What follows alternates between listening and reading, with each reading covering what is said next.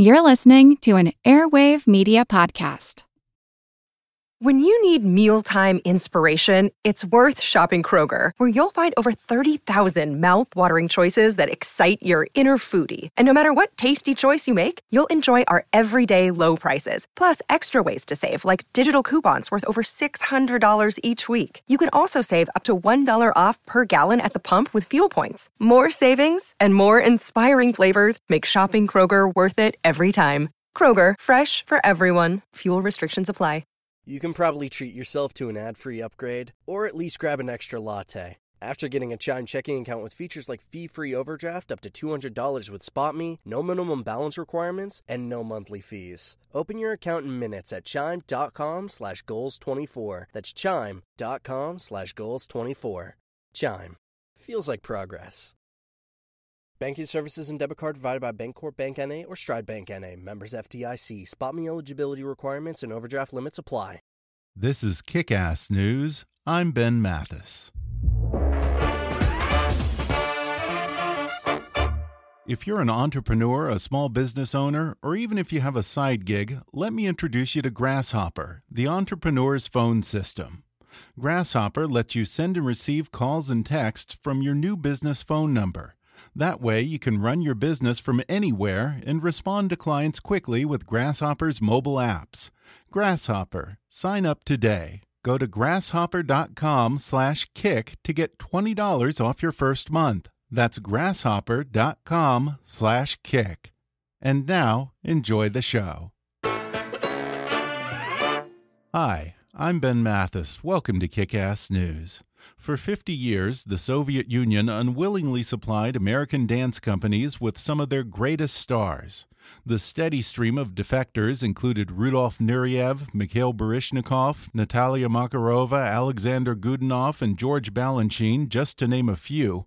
But then in 2011, in a sign that the Cold War had truly ended, a dancer with the American Ballet Theater became the first American ever to join the principal company of the granddaddy of all dance companies, the Bolshoi Ballet in Moscow. Now, that dancer, David Hallberg, writes about it in a memoir titled A Body of Work Dancing to the Edge and Back. And today, David joins me on the podcast to talk about his lifelong love of dance, his fish out of water experience in Moscow, and his difficult but inspiring recovery from a foot injury in 2014 that nearly ended his career. He discusses the discipline and dedication needed to make it to the top as a dancer, the unique chemistry that goes into partnering with the right ballerina, and the behind the scenes coaches who have passed down ballet's greatest roles since the very beginning. He recalls his tough adjustment to life in Moscow, some of the charming age old traditions at the Bolshoi, and the almost unbelievable 2013 acid attack on his then boss, Bolshoi director Sergei Filin.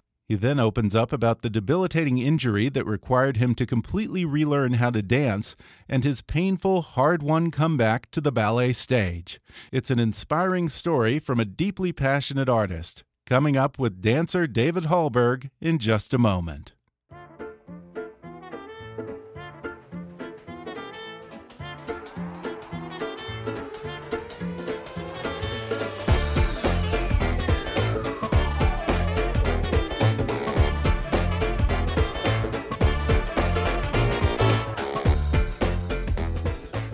David Hallberg is a principal dancer with American Ballet Theatre and resident guest artist at the Australian Ballet.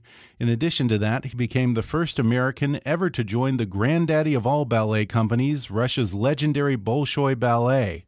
He writes about it in a new memoir titled A Body of Work Dancing to the Edge and Back. David, thanks for joining me on the podcast. Great to be here. Thank you for having me. Well, David, I understand that you got into dance originally from watching Fred Astaire movies, right? Correct. Yeah, Fred Astaire was the first person to really spark an interest in dance. Um, he, I saw him, you know, gliding across the TV screen, and I was, I was just totally enthralled with what he was doing, and wanted to do exactly what, what I was, you know, seeing him him do across the TV screen. Yeah, and it's interesting because I remember Baryshnikov saying that in his mind, Fred Astaire was the greatest dancer that ever lived. And I hear this a lot. Classically trained dancers idolize this man who came up in vaudeville and had zero classical training whatsoever. Yeah, it's interesting. Yeah. I think because of my American upbringing as well, um, I was more influenced by American dancers at the beginning, and none of them were ballet dancers. I mean, mm-hmm. Fred Astaire was my absolute idol as a kid, and um, that's who I wanted to be like. I wanted to tap like him. I didn't, you know, I didn't even know what ballet was at the beginning of my of my dance inspiration. So then, did you start out with tap before you got into ballet? I did. Yeah, uh, tap was was my sort of entry into dance. Um, I didn't have tap shoes uh, when I when I first saw Fred, so I taped nickels on the bottoms of my penny loafers, as written in the book, and. Um, you know, just just wanted to be exactly like him. Didn't really care what it sounded like or what I was doing. I just imitation was uh, what the greatest form of flattery they say. yeah. So then, initially, you weren't into ballet. Did you think it was too rigid? You were mostly doing tap and then jazz dance, right? Yeah, I tapped and uh, I did tap and jazz for a number of years, and listen, I thought ballet was boring. I mean, I thought it was dusty and old and, and strict. Um, I, I really wasn't attracted to ballet at the beginning stages of my of my um, you know dancing career as a, as a young kid. But then ballet, I have to say, you know, ballet really found me. I found the inspiration in in it, and um, and never looked back. And you talk about when you were younger taking ballet classes and a particular teacher, Mr. Hahn, who was a pretty big influence on you. Tell us a little bit about him. Well, thankfully, I, Mr. Hahn was in Phoenix, Arizona, where I was growing up. And my parents and I had no idea what a good ballet teacher was compared to a bad ballet teacher. Mm-hmm. And thankfully Mr. Hahn was right there and he was he was, you know, so formative. He was an excellent teacher and just so formative in my classical training. I was starting ballet late. I started when I was 13 if if you can consider that late in the real world. but um when I started, he recognized that I was starting late and we spent a very very intense four years um, hitting the the books hard per se and and really really making up for lost time the same as training to be an olympic athlete it just takes up your entire life really. absolutely you know the the dedication the perseverance is comparable to any any athlete mm-hmm. um, in sports or you know an olympian or anything and probably not surprisingly, uh, as a young kid in school, you also had to endure a constant barrage of bullying. And you talk about guys who would call you a girl or worse than that, or dump perfume on you. How did you cope with that? Well, of course, it was scarring yeah. as a kid. You know, you really just want your contemporaries to like you. Yeah. Um, but I think the way I dealt with it was was through through dance. You know, I had found an outlet that I felt um, accepted. I felt uh, passionate about, and I have to say, it was it was that outlet that saved me from the barrage of, of bullying and perfume and and fists and you know verbal abuse that I endured um, during school hours. And eventually, I think you said that you went to the School for the Arts there and you were kind of in a peer group that understood and respected what you were trying to do because they were all in the same boat, right? Mm. I found yeah. a haven in a school called Arizona School for the Arts, which still thrives today in Phoenix, Arizona. And it was interesting because it, in this art school, I, I went in its inaugural year and it was all of the ugly ducklings of Phoenix came to this school. we all had similar stories um, uh, in in public schools that we attended throughout Phoenix, and we all had artistic inclinations. So we found a community that just um, accepted us. We we accepted everyone. Mm-hmm. Um, it really was a, such a saving grace. Growing up, your dream was not really to go to the Bolshoi. You probably, in fact, thought of that as kind of a stodgy company. You wanted to join the American Ballet Theater in New York, where Mikhail Baryshnikov and Alexander Godunov had been dancers, and choreographers like Balanchine and Jerome Robbins had worked. Uh, how did you eventually get into ABT? I went to a summer program when I was 16, and it was there that I I got to know uh, the teachers and the the director of American Ballet Theater, and that was really a, it was really the first steps into my my um, my career at ABT. Then I joined the studio company after I graduated from high school, which is the junior company um, of American Ballet Theater, and then I joined the main company. And my dream was ABT mainly because the male dancers there were so phenomenal. Yeah. There was a crop of male dancers that one wasn't like the other. Uh, there was, you know, there were virtuosic dancers, lyrical dancers, um, technical dancers, artistic dancers, and it just to me, I was just so attracted to this company that harbored these unbelievable male dancers dominating the ballet world. Uh, yeah, and one interesting aspect of that is you talk about how principal dancers like you have a coach. I didn't know that there was such a thing as a coach in dancing. Um, who help you prepare for a role. And often it's a retired principal dancer who's played all of the same roles that you're playing. And essentially, you say that they've passed down these classical roles from generation to generation from the beginning of ballet, really.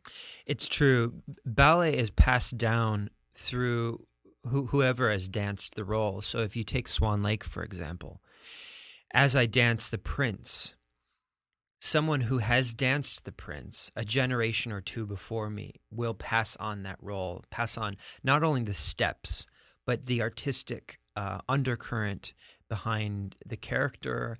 And it's really one of that's one of the beautiful traditions of the classical ballet field is that the roles that we portray can only be danced successfully through that kind of passing on from generation to generation. But it also must make it hard for you to make a role your own, I imagine.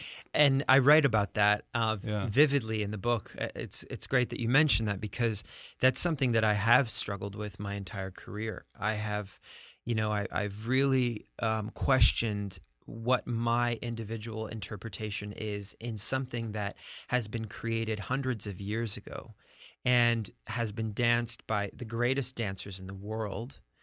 Uh, and if taking Swan Lake as an example, you know, Swan Lake is a ballet that I really, I really questioned a lot of. I, it was an honor to dance Swan Lake, but I also said, well, am I just an interpreter and am I not just mm-hmm. am I not an artist, a creative artist? Am I just interpreting these roles that have been, you know, passed down generation after generation after generation? Yeah, you talk about that balance between getting it the actual dancing technically perfect and then being able to tap into some deeper more emotional level uh, i don't want to call it acting but some kind of a connection something that's personal that allows whatever that intangible thing is within you to shine out in that character. Absolutely. Where would you seek that out? You talk about how you at times got tired of the ABT and you would seek inspiration elsewhere. Mm. When I when I finally made those debuts, like in Swan Lake and Romeo and mm. Juliet, and I got over the rush of of dancing those for the first couple of times, I started to look elsewhere, and elsewhere was the avant-garde. It was hmm. it was a world that didn't even inhabit any inkling of classical ballet or its traditions, and it was through that actually that I didn't know it was happening at the time, but it was through that process of seeing all of this avant-garde work that I was able to bring sort of my own individuality back to a, a a an art form that is so traditional and can be so you know it can border on on dusty. Yeah and when you do that uh, do you meet any resistance from a company like abt to you going out and you know, looking at different types of dance, experimenting with other stuff? Is there any fear that that's going to undo everything that they worked on with you? That's a good question. And there actually isn't resistance. Really? But I have found resistance on the other side. So when I oh, interesting. when I started to see avant-garde work and meet um, meet choreographers from that field, meet dancers from that field, they for the most part have spent a good amount of time rejecting classical ballet. Yeah. and and you know going beyond sort of the confines of classical ballet and it was there that people sort of looked at me and, and a little bit with disdain or ridicule that I'm this ballet dancer and why, you know, people would ask very frequently when they'd see me in the audience for a show like that. They'd say, well, "What are you doing here? You know, what are you working Really? on?" And I would say, "Oh, the Nutcracker," and they go, "Yeah, yeah, figures." You know, they would kind of just look at me with a little bit of um, of ridicule. It was it was it, it was really fascinating. Now, when you get to that level as a professional dancer, what is a typical day like for you? Well, typical day. What what I have learned is that routine is is key. Mhm. You know, Muscle um, memory. Yeah. Yeah. And uh, I start my day around 9 a.m. Uh, in the gym. I condition for an hour. Um, and that involves absolutely no ballet yet. Uh, and then after an hour's worth of conditioning, I go into daily ballet class. And that is um, an hour and a half. And again, six days a week, like clockwork, to hone in on the craft, do the same, you know, exercises and the same, execute the same steps. Uh, a lot of people ask, well, don't you have it right yet? uh, and no, actually, we don't have it right yet. um, and then rehearsals start after about a three hour kind of um, conditioning and, and technique um, uh, warm up. And rehearsals are anywhere from two hours a day to five hours a day. Hmm. And then there's the cool down, which is, you know, a, an ice bucket for my feet, and you know, t- um, and rinse and repeat the next day. now, when you're that dedicated to your art, is there any room for a personal life? there is room, but it's always complicated. well, kind of a different sort of relationship. You talk about the difficulties of doing partner work with another dancer, and you recall some ballerinas with whom you worked very well and some with whom you didn't work so well. Mm. A- As a dancer, what do you need from a ballerina you're partnering with? Connection. hmm You really need an emotional connection to the partner uh, next to you, and it's a- great example is in life. I mean, it's it's if you have a connection with someone or not, a, an emotional, a physical, any sort of connection like that. And same goes for one of your partners uh, in classical ballet. And yes, I, I, I have written about um, partners that I haven't gotten along with so well, and and we're a little bit like oil and water.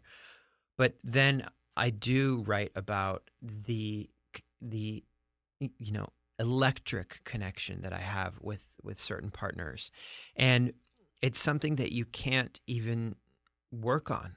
It's something that is so instinctual and Really? so um, you know it from the very beginning of whether it will um, make you a better dancer, a better partner, a better artist, or not. Well, one partner that you did have an electric connection with was, uh, I believe her name was Natasha. You said that she was a big reason for why you joined the Bolshoi Ballet eventually, right?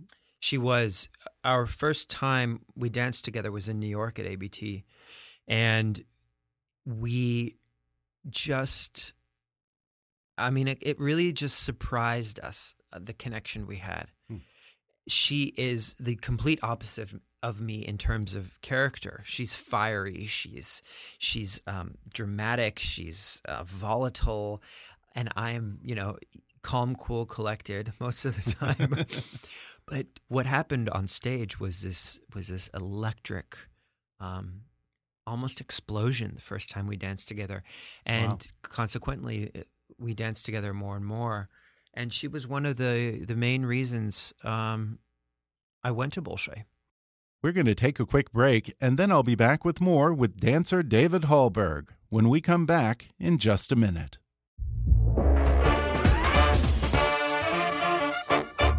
If you're an entrepreneur, a small business owner, or even if you have a side gig, let me introduce you to Grasshopper, the entrepreneur's phone system. Grasshopper lets you run your business from your cell phone while keeping your business and personal lives separate. Choose from their huge inventory of local, toll free, and vanity toll free numbers. Simply forward your new number to your mobile phone and start taking calls immediately. Whether you're in an office, in your car, or out shopping for the holidays, Grasshopper's iPhone and Android apps help you stay connected to your customers. Not to mention, you can send and receive calls and texts from your business phone number, set up multiple extensions for everyone on your team, get your voicemails transcribed and emailed to you, work from anywhere with call forwarding to make and receive calls from your computer via the desktop app, and even utilize Wi Fi calling. Better yet, Grasshopper offers easy and instant setup and 24 7 customer support, all without any long term contracts. I've used Grasshopper for our podcast 800 number, and they make sure everything runs smoothly so I don't have to worry and can focus on the important things. Grasshopper, sign up today. Go to grasshopper.com/kick to get $20 off your first month. That's grasshopper.com/kick. You danced, I think, a couple of times as a guest artist with the Bolshoi in Moscow before you got the offer and you were admitted as an American dancer in the regular company of the Bolshoi. How did that invitation come about? Well, the director, the new director, uh, had been director for about two weeks. Huh. And uh, I was in Moscow with ABT on tour, and he, you know, set up a lunch and it was at that lunch that he said, you know, one of the things I want to do as new director is to um, bring you in as a dancer with the company. And I was floored. You know, Bolshoi at that time wasn't really open to foreigners. Mm-hmm. It was 99% Russian uh, dancers. And it was never on my radar. It was never on my radar because I thought the company was a little antiquated. And I also didn't like Moscow. I found Moscow to be a really harsh city. Yeah. But I have to say, the opportunity he gave me opened my entire world. Uh, yeah, I mean, you must have been aware that that was probably a big risk for him two weeks in as a new director to be the first to invite an American to join. It was a huge risk for him. It was a huge risk for me. You know, I, I didn't really have any precedent. There wasn't someone before me yeah. that had done it.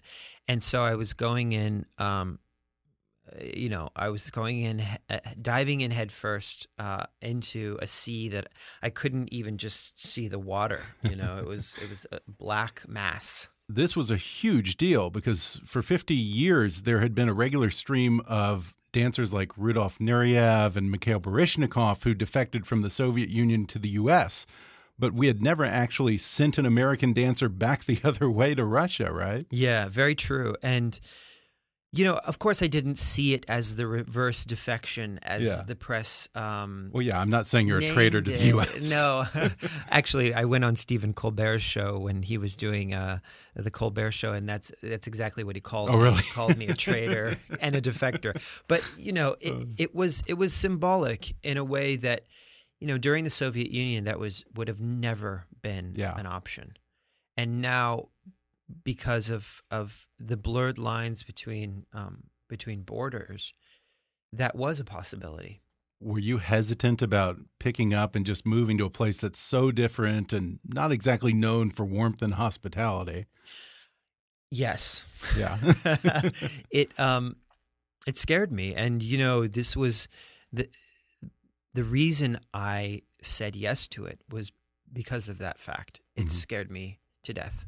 And you wanted to get out of your comfort zone. Absolutely. And uh, that's a reoccurring theme having written the book um, that I realized about my character is that I, I really love to put myself out of my comfort zone. Yeah. Now, what was life like in Moscow for you? Well, at first it was very solitary. I had no friends. Um, the company, the Bolshoi institution, not just the dancers, but um, all 3,000 employees were very, very warm to me. They welcomed me. Really? Yeah, it, surprisingly. They, they were curious about me being there. They were accommodating. Um, you know, even the uh, the babushkas cleaning the the hallways um, uh, would look at me passing by and, and, just say in the little English that they knew, "Good morning."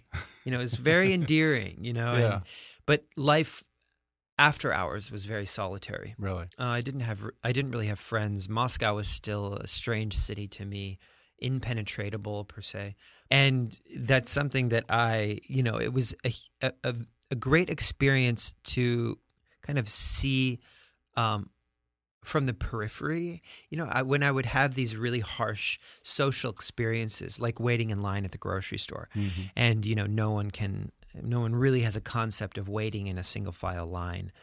I would just take myself out of the situation and think, you know, I would talk to myself and just say, "You put yourself in this situation. you are learning so much from being here. You know, don't don't dive in and and be immersed in all of this. Actually, just see it as as a an anthropological experience. and, and, of course, Russia is not exactly known for being the most open-minded place with respect to gay rights. You are openly gay.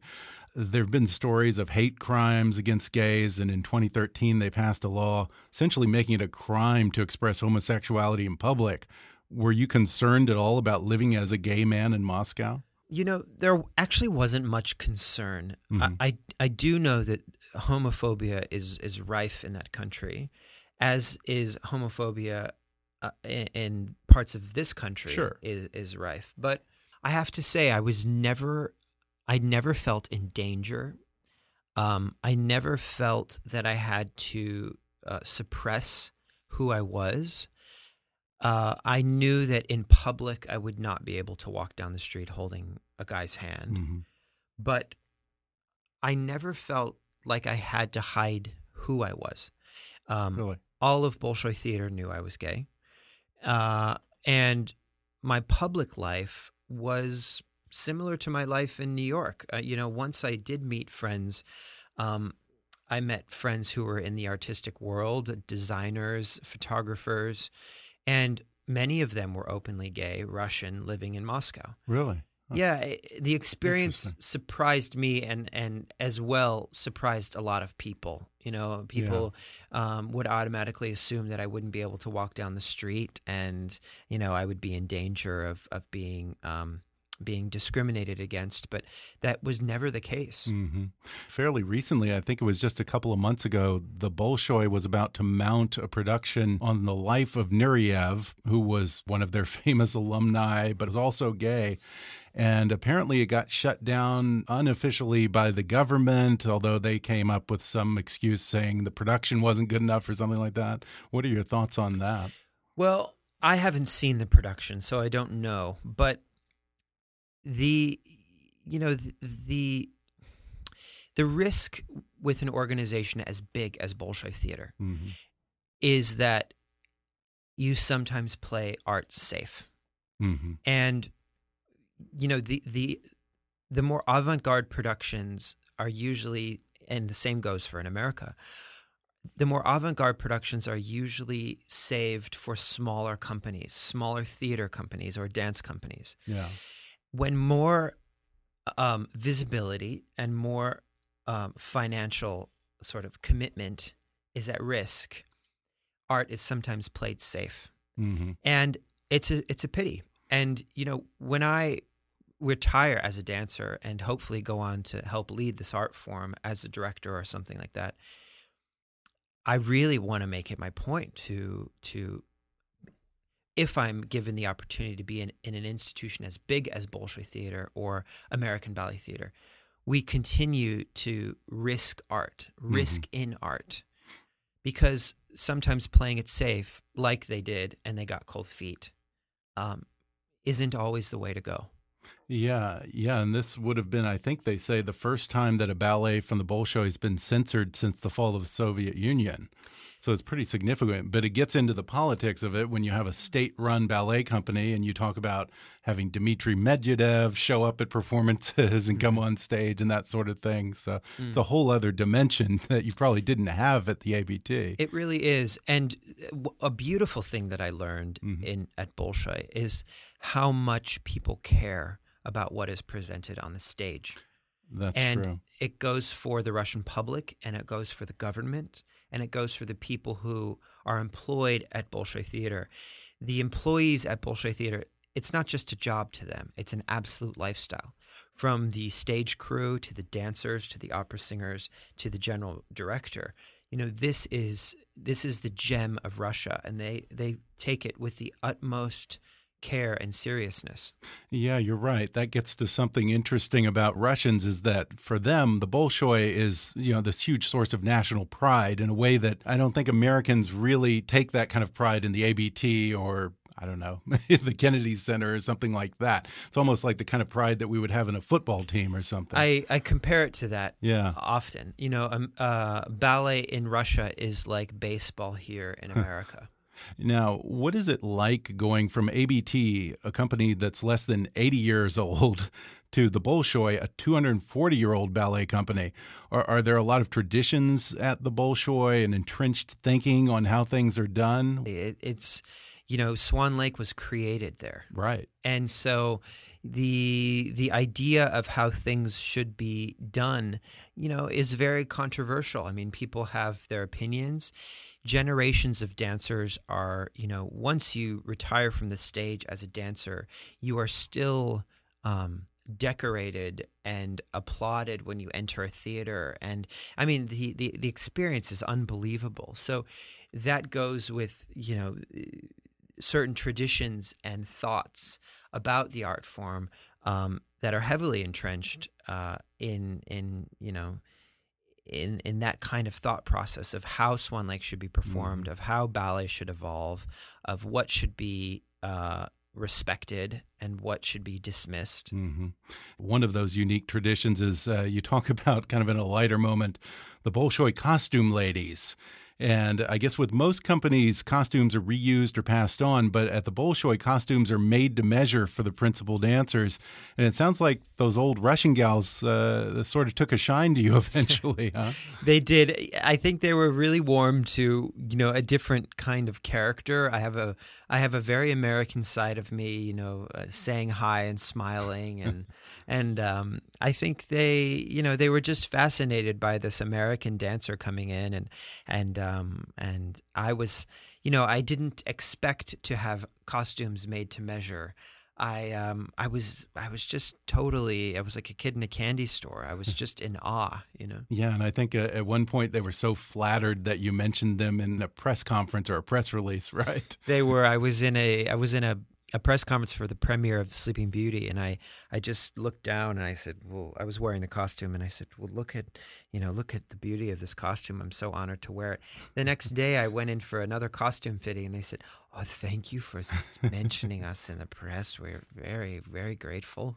yeah, and they even have this special honor of they put your your photo on the wall, which they only reserve for dancers they really, really like. yes, much to my surprise, I walked yeah. in one day and I was next to some of the Bolshoi greats so I was quite flattered.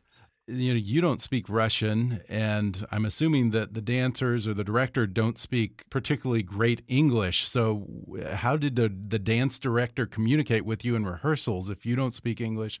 He doesn't speak Russian. Well, some people did speak English, okay. but but on the other hand, you know, when I was working with a very famous choreographer there named Yuri Grigorovich, right. he would be on his microphone um, screaming corrections to the dancers on the stage.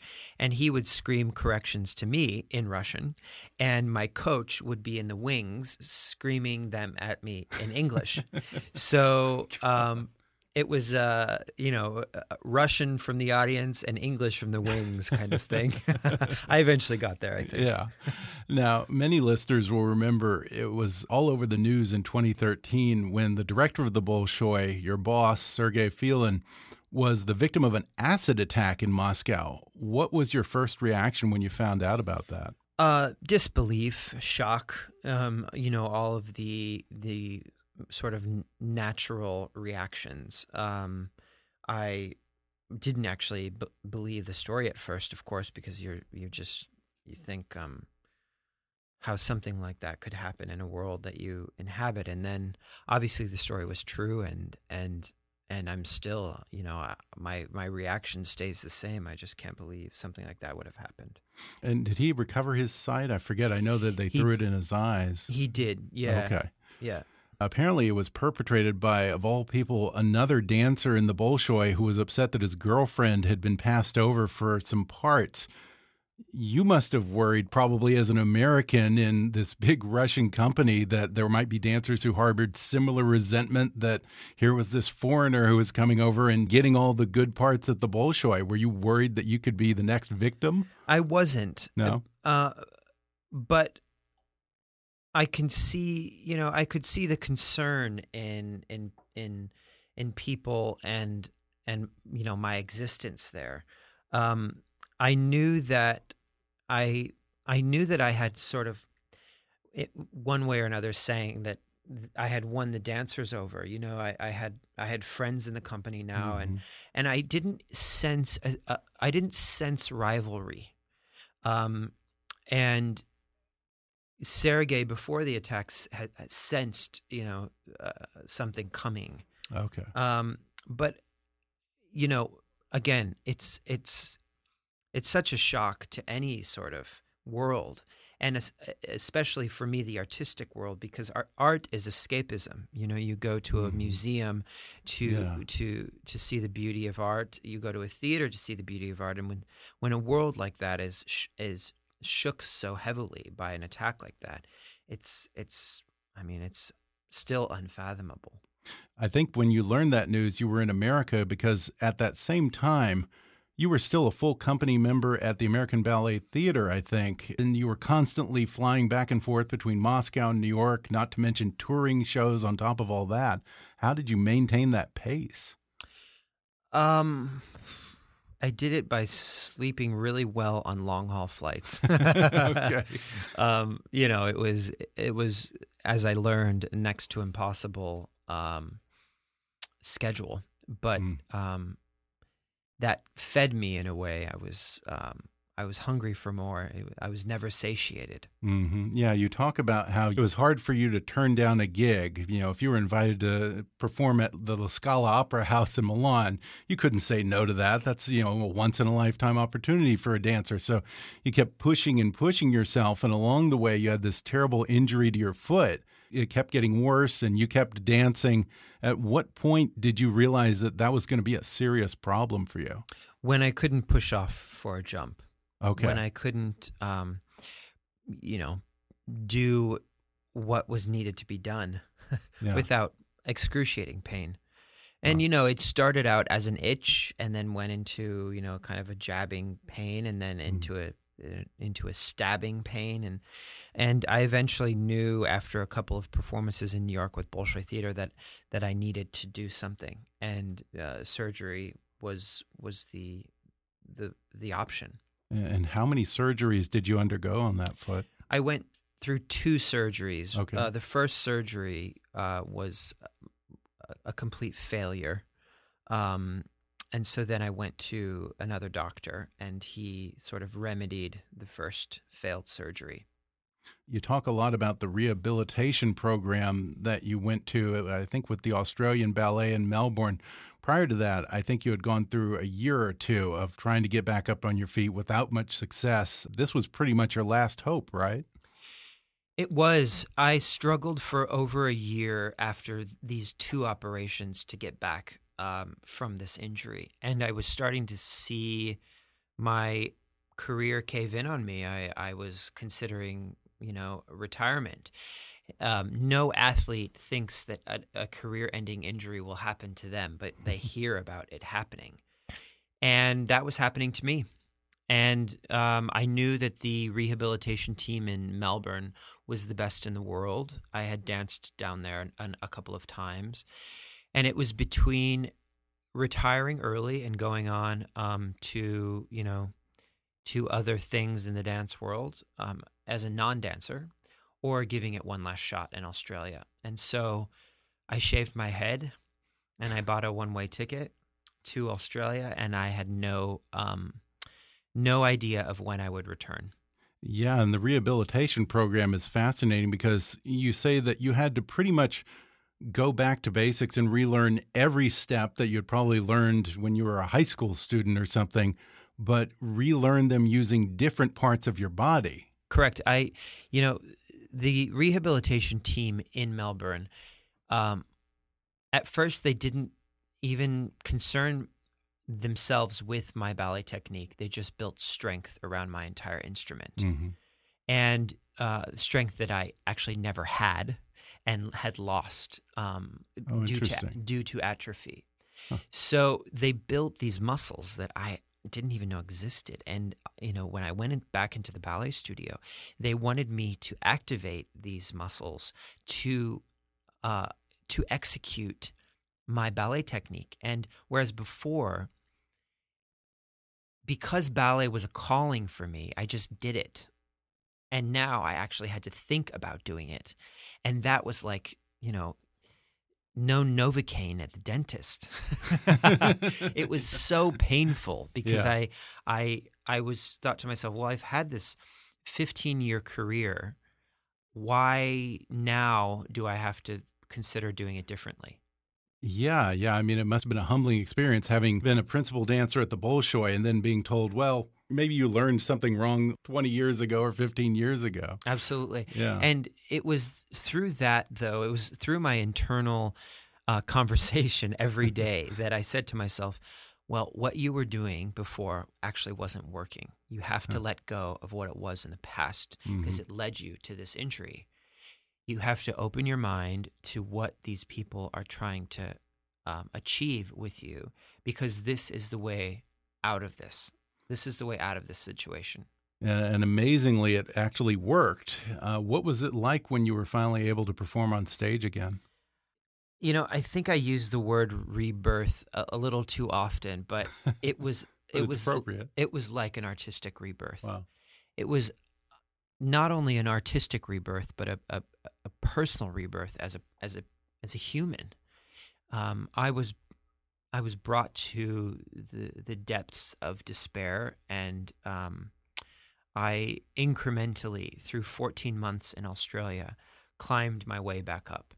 And Wow. through the process, I went through all my dirty laundry, my personal life, my artistic life, uh, my mental and emotional, um, you know, stability and well-being. And through that process, I became a completely new person and a completely new artist.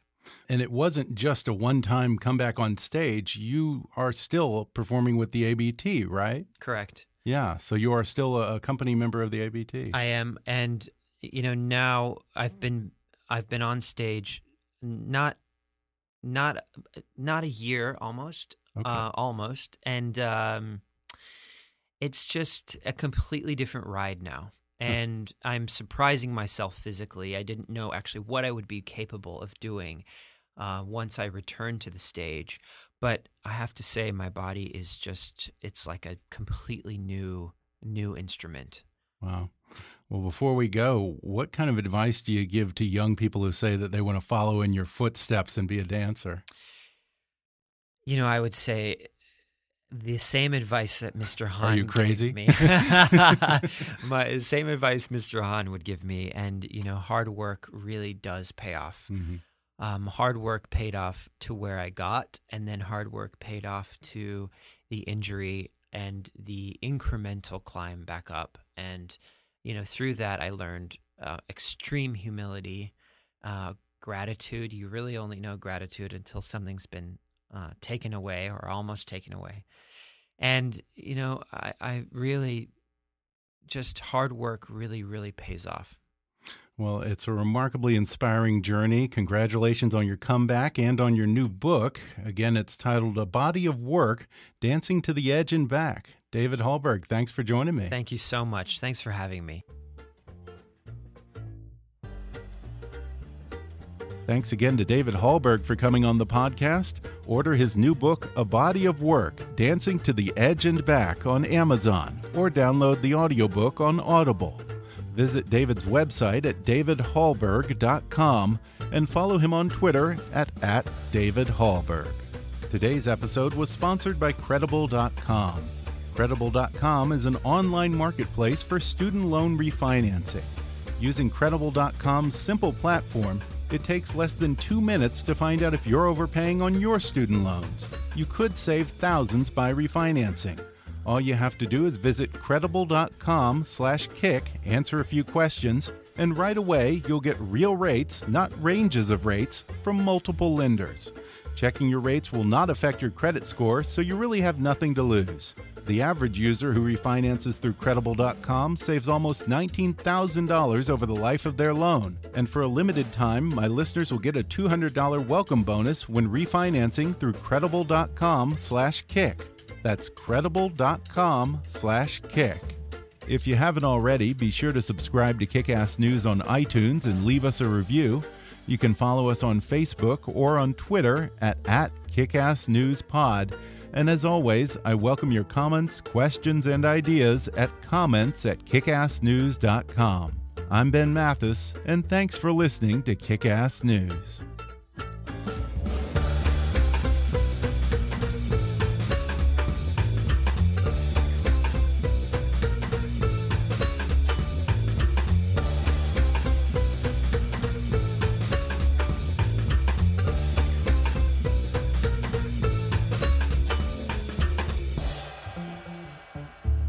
Kickass News is a trademark of Mathis Entertainment, Inc.